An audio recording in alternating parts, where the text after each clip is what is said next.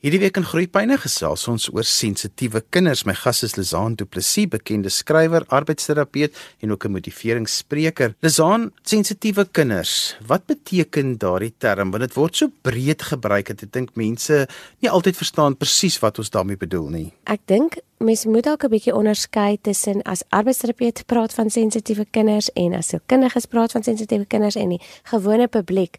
Arbeidsterapeute praat gewoonlik van sensitiwiteit wat kom van 'n sensoriese sensitiwiteit en soos ons weet is dit maar deel van 'n groter temperament. So 'n mens kan byvoorbeeld 'n sensitiewe kind kry spesifiek in terme van die sensoriese stelsel. Hulle is dalk sensitief vir tas of sensitief vir beweging of sensitief vir geluide, maar hulle is nie dalk emosioneel sensitief nie. En dit is waar ons arbeidsterapeute 'n groot rol speel. Maar dit is ook moeilik om heeltemal hierdie goed te onderskei en te sê daar die kind is net sensories sensitief want baie keer sien ons dat dit dat dit 'n groter beeldjie vorm en dat dit daar meer is wat by hierdie sensitiwiteit bygevoeg word. En dan praat ons dalk meer van 'n kind wat emosioneel sensitief is, 'n kind wat dalk op die introversie spektrum is en 'n kind wat dalk selfs angstig is en sosiale angs beleef. So as ouers na my toe kom, is dit vir my waarskynlik een van die lekkerste dinge is om bietjie soos die Engelse sê uit te tease, te agter te kom waarmee sit ek hier voor my. Dat ons kan kyk, is dit net 'n temperamentstyl En of is dit 'n groter temperamentstel of is dit net 'n sensoriese sensitiwiteit? Uit my ondervinding sien ons dat die sensoriese kinders wat sensories sensitief is, fantastiese vordering maak by arbeidsterapeute. Ehm um, die labels wat hulle geïrriteer het, die etikette pla hulle nie meer nie. Hulle raak meer waagmoedig en hulle ehm um, gee nie om om aan sand te vat of op gras te loop of ehm um, nuwe kossoorte te probeer nie, wat die geval ook al is. Maar as ons dan baie saam met dit 'n kind het wat 'n introwert is en emosioneel sensitief is, ehm um, dan is dit 'n bietjie meer van 'n komplekse situasie. Maar ek wil graag eens met vandag daaroor praat want dit beteken nie daar's iets fout met die kind en die kind moet reggemaak word nie. Ek wil ook net daai ding inbring van dat mens baie keer dink dat sensitiewe kinders is altyd introverte, want hulle kan nog steeds sensories baie sensitief wees, maar 'n ekstrovert wees. Dit is nie noodwendig dat die twee mekaar uitsluit nie. Ek het ver oggend weer so seentjie by my gehad. Hou nie van om aan goed te vat nie. Is 'n vreeslike fasie eter. Ehm um, maar 'n 'n liewe kind wat mal is oor mense en aan die gang is en glad nie op daai introversie angstige sosiale angspektrum pas nie. Lizaan, as jy nou 'n kind moet beskryf wat ons as sensitief sal beskou, gee net so half vir ons 'n gevalle studie van hoe sal so 'n kind lyk? Enige kind wat jy sal sê maar dis ook so 'n kind uitken, want baie keer vind ek dat ouers is bewus daarvan dat die kind sensitief is. Hulle erken dit ook nie aan die ander kant nie. Dis soms waardevol om hierdie kinders te vergelyk met 'n orgidee die van julle wat al orgidees gekoop het, weet dat ons maar mooi moet kyk na orgidee. Nie te veel water moet gee nie, nie te min water moet gee nie, nie te veel in die son moet sit nie. So is hierdie kinders soos 'n orgidee. Dit is belangrik in die om dat die omgewing waar hulle geplaas word en die ehm um, ouers en in die onderwysers met wie hulle omgaan begrip sal hê vir hulle sensitiwiteit want dan kan hierdie kinders blom. In teenstelling met 'n kind wat amper soos 'n vygie is. Ons weet mos hoe werk vygies. Hulle blom enige plek en hulle het min aandag nodig.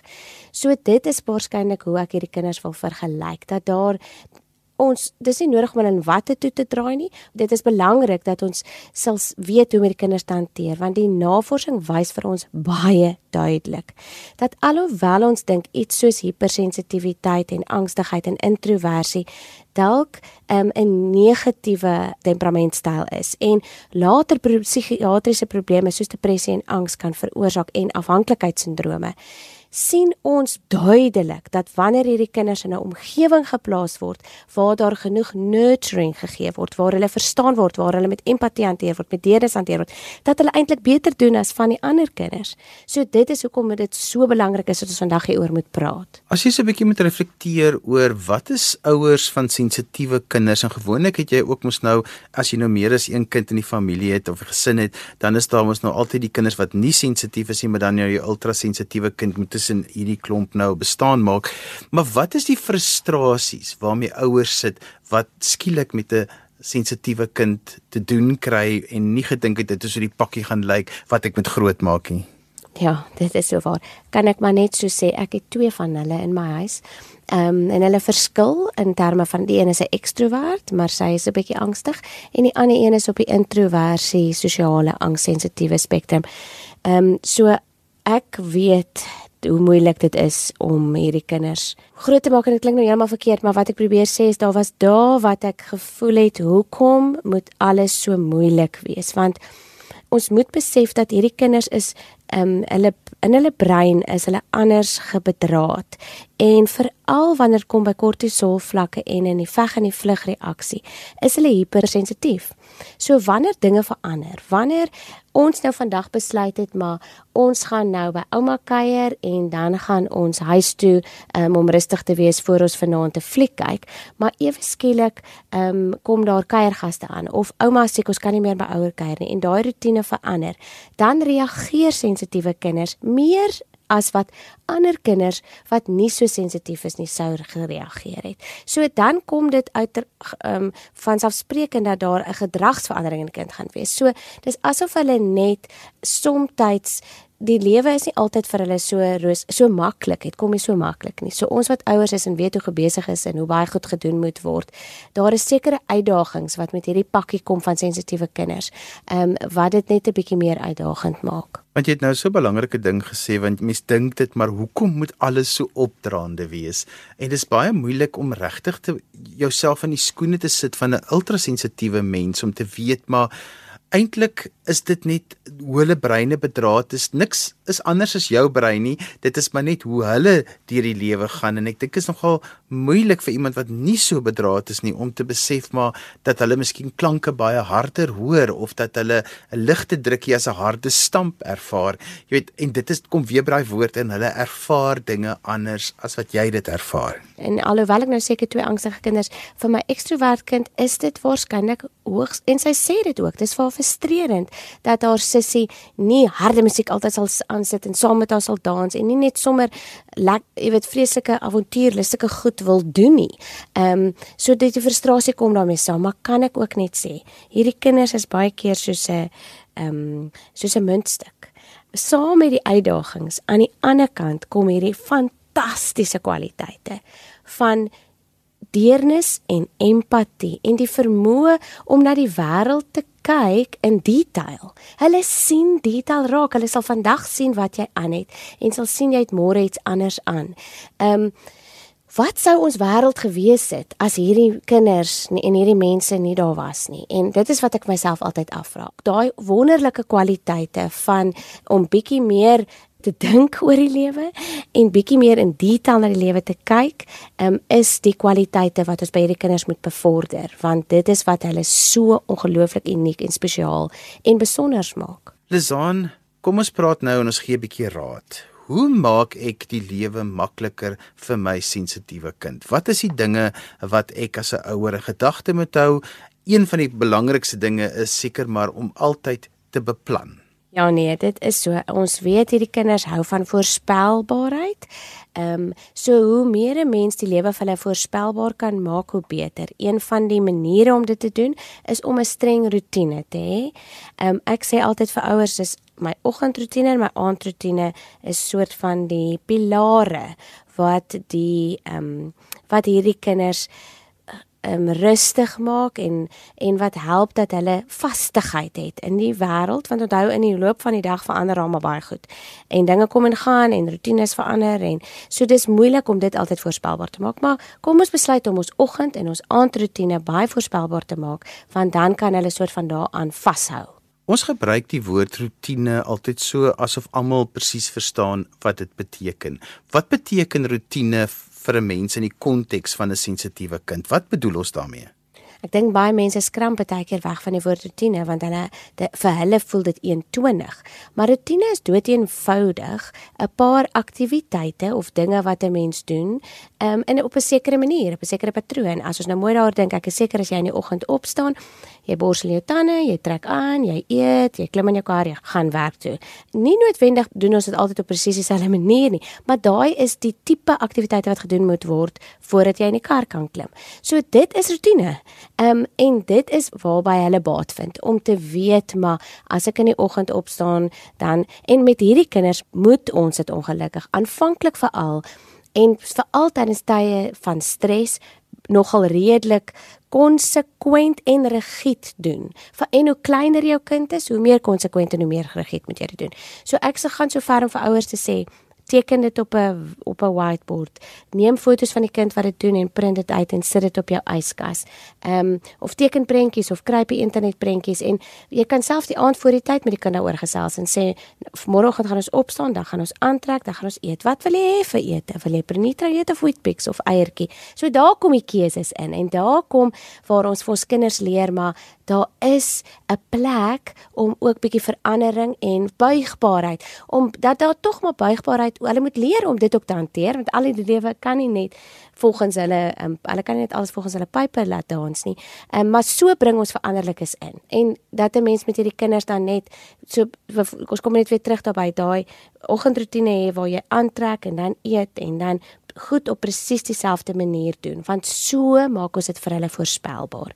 Indien dinge gaan verander, is dit belangrik dat kinders voorberei daarop moet wees. So daarom weet ons dat ons moet eintlik hierdie praatjie weer aan die einde van die jaar hê want begin van die jaar wanneer hierdie kinders in 'n nuwe klas by 'n nuwe juffrou by nuwe maatjies ingegooi moet word, is wanneer ons sien dat dit regtig vir hulle moeilik is want dan is dinge nie meer vir hulle so voorspelbaar nie.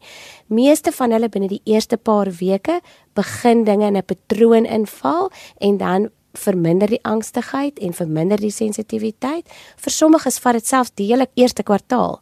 Ehm um, so dit hang af van die kind. Maar net weer om terug te kom by die rotine. Dit is belangrik dat mens dinge vir hulle so voorspelbaar as moontlik maak. Dis maar net een van die strategieë. Ek wil nie veralgemeen nie want dit is nie altyd waar nie, maar baie keer dan het uh, kinders wat ultrasensitief is of baie sensitief is, hulle het nie altyd die waagmoed om nuwe goed te probeer nie. Dit is nie altyd waar nie, maar dit is baie keer waar.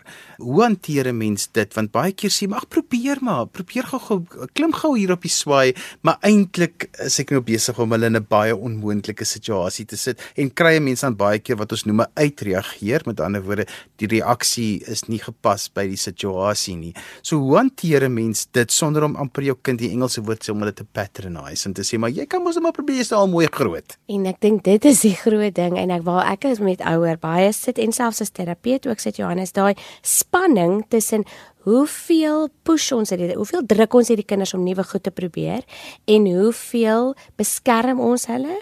Um, want onthou ek het gepraat daarvan dat ons hierdie wonderlike omgewing wil hulle vir hulle wil skep waar hulle begrip sal hê en waar hulle verstaan gaan word en waar hulle sekere mate en watte toegedra gaan word want dan weet ons hulle gaan floreer.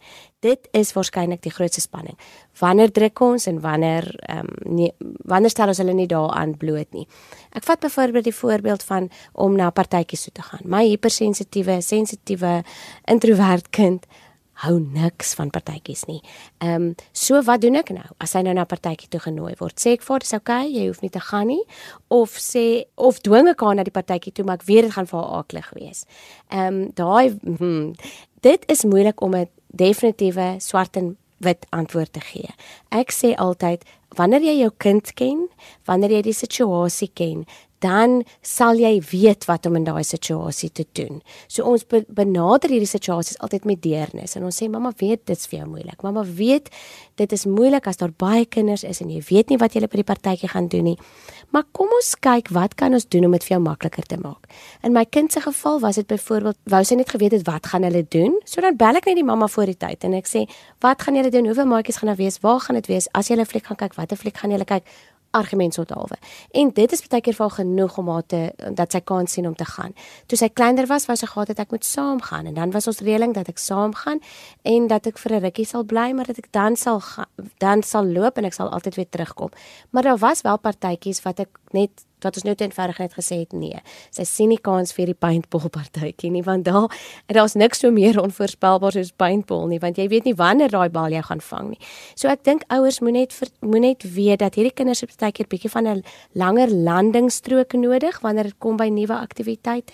Maar dat ons ook moet versigtig wees om hulle nie daarvan te ont hou nie dat ons ehm um, dat ons altyd seker sal wees ons moedig hulle aan om nuwe goed te probeer binne die veilige um, omgewing van wat ons vir hulle gaan bied ek kry baie te doen daarmee wat uh, mense kom sê maar jy ek het 'n sensitiewe kind en hy of sy gaan na 'n kinderpartytjie toe en hulle is eintlik baie gelukkig partykeer net om die maatjies dop te hou. Dis eintlik vir dit die lekkerste. Hulle sit eenkant met hulle boksies lekker goed en hulle hou die maatjies dop. Nou kom jy nou altyd die persoon wat sê ja, maar jy moet nog saam met die kindertjies speel.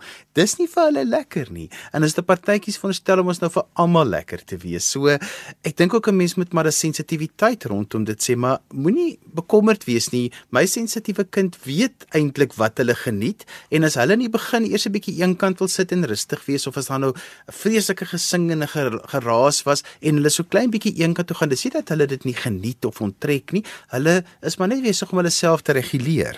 Dit is presies wat jy sê en wat so wonderlik is wat ehm um, ek praat altyd van krimpvarkie kinders, die luisteraars wat nou al weet, ehm um, hierdie kinders is is hoogsensitiewe kinders en hulle reageer baie keer soos krimpvarkies wanneer daar stres in die omgewing is. Hulle gaan of in 'n balletjie en hulle soos jy nou gesê het onttrek van die situasie of baie keer kan ons sien dat hulle self daai stekels uithaal en dalk aggressief kan wees.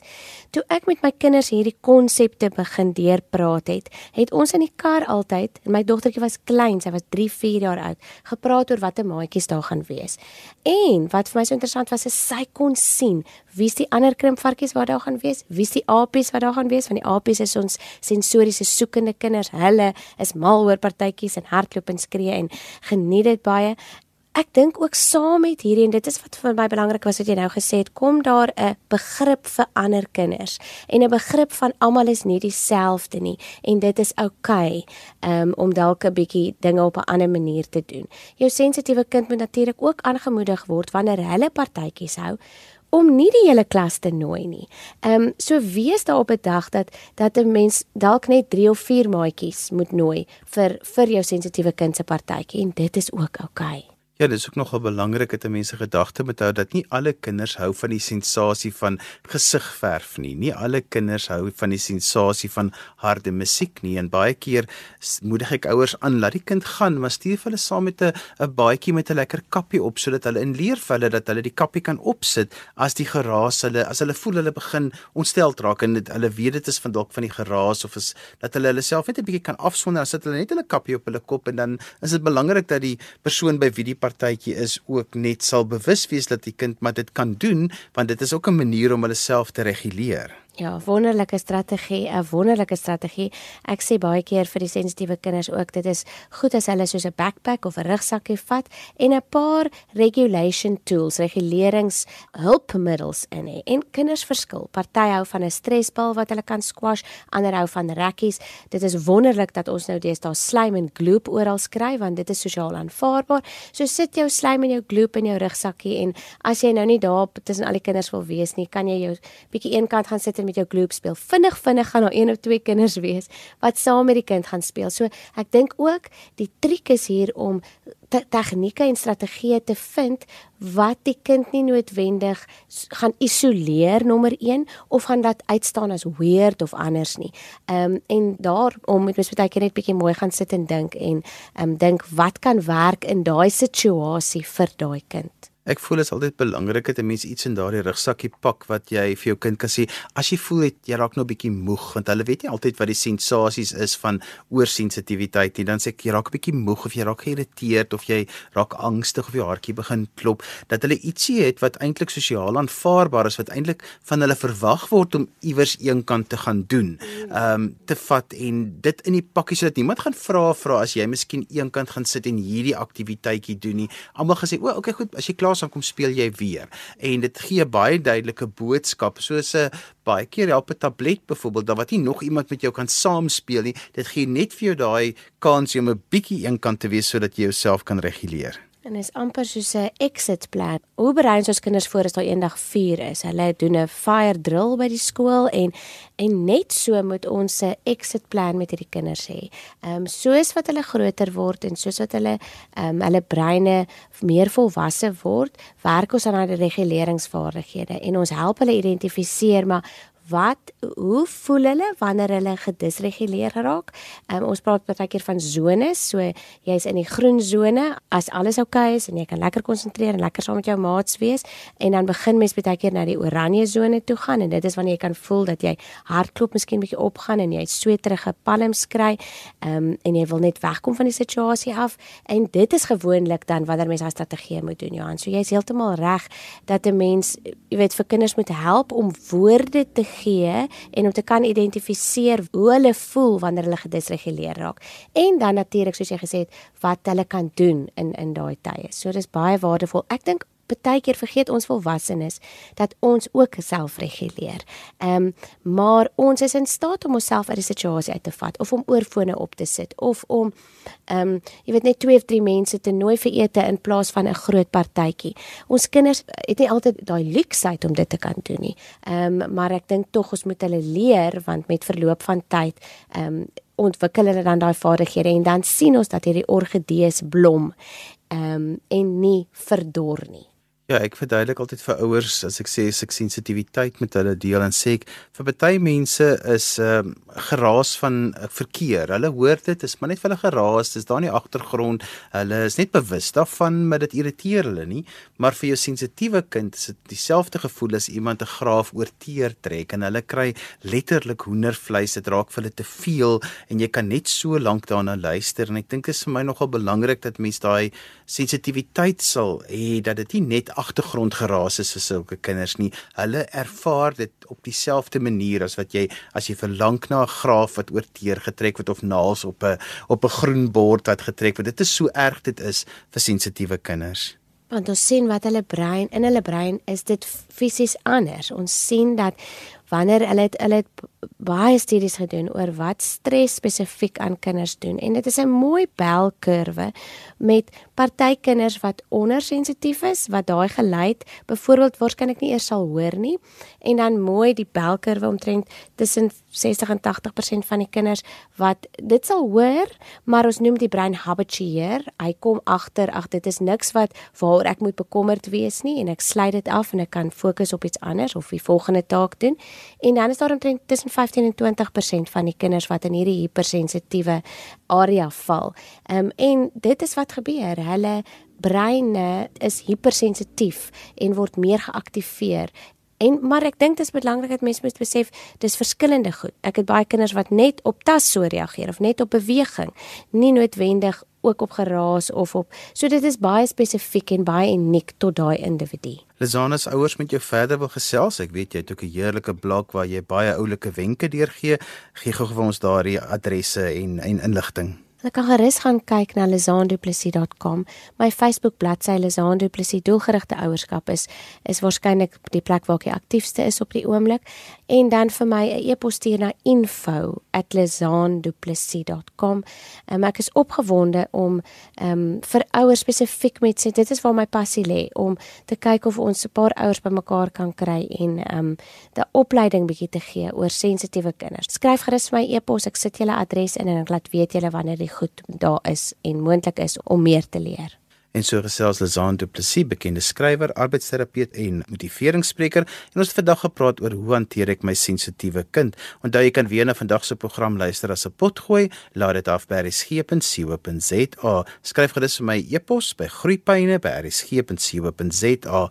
daarmee groet ek dan vir vandag van my Johan van Lille tot volgende week. Totsiens.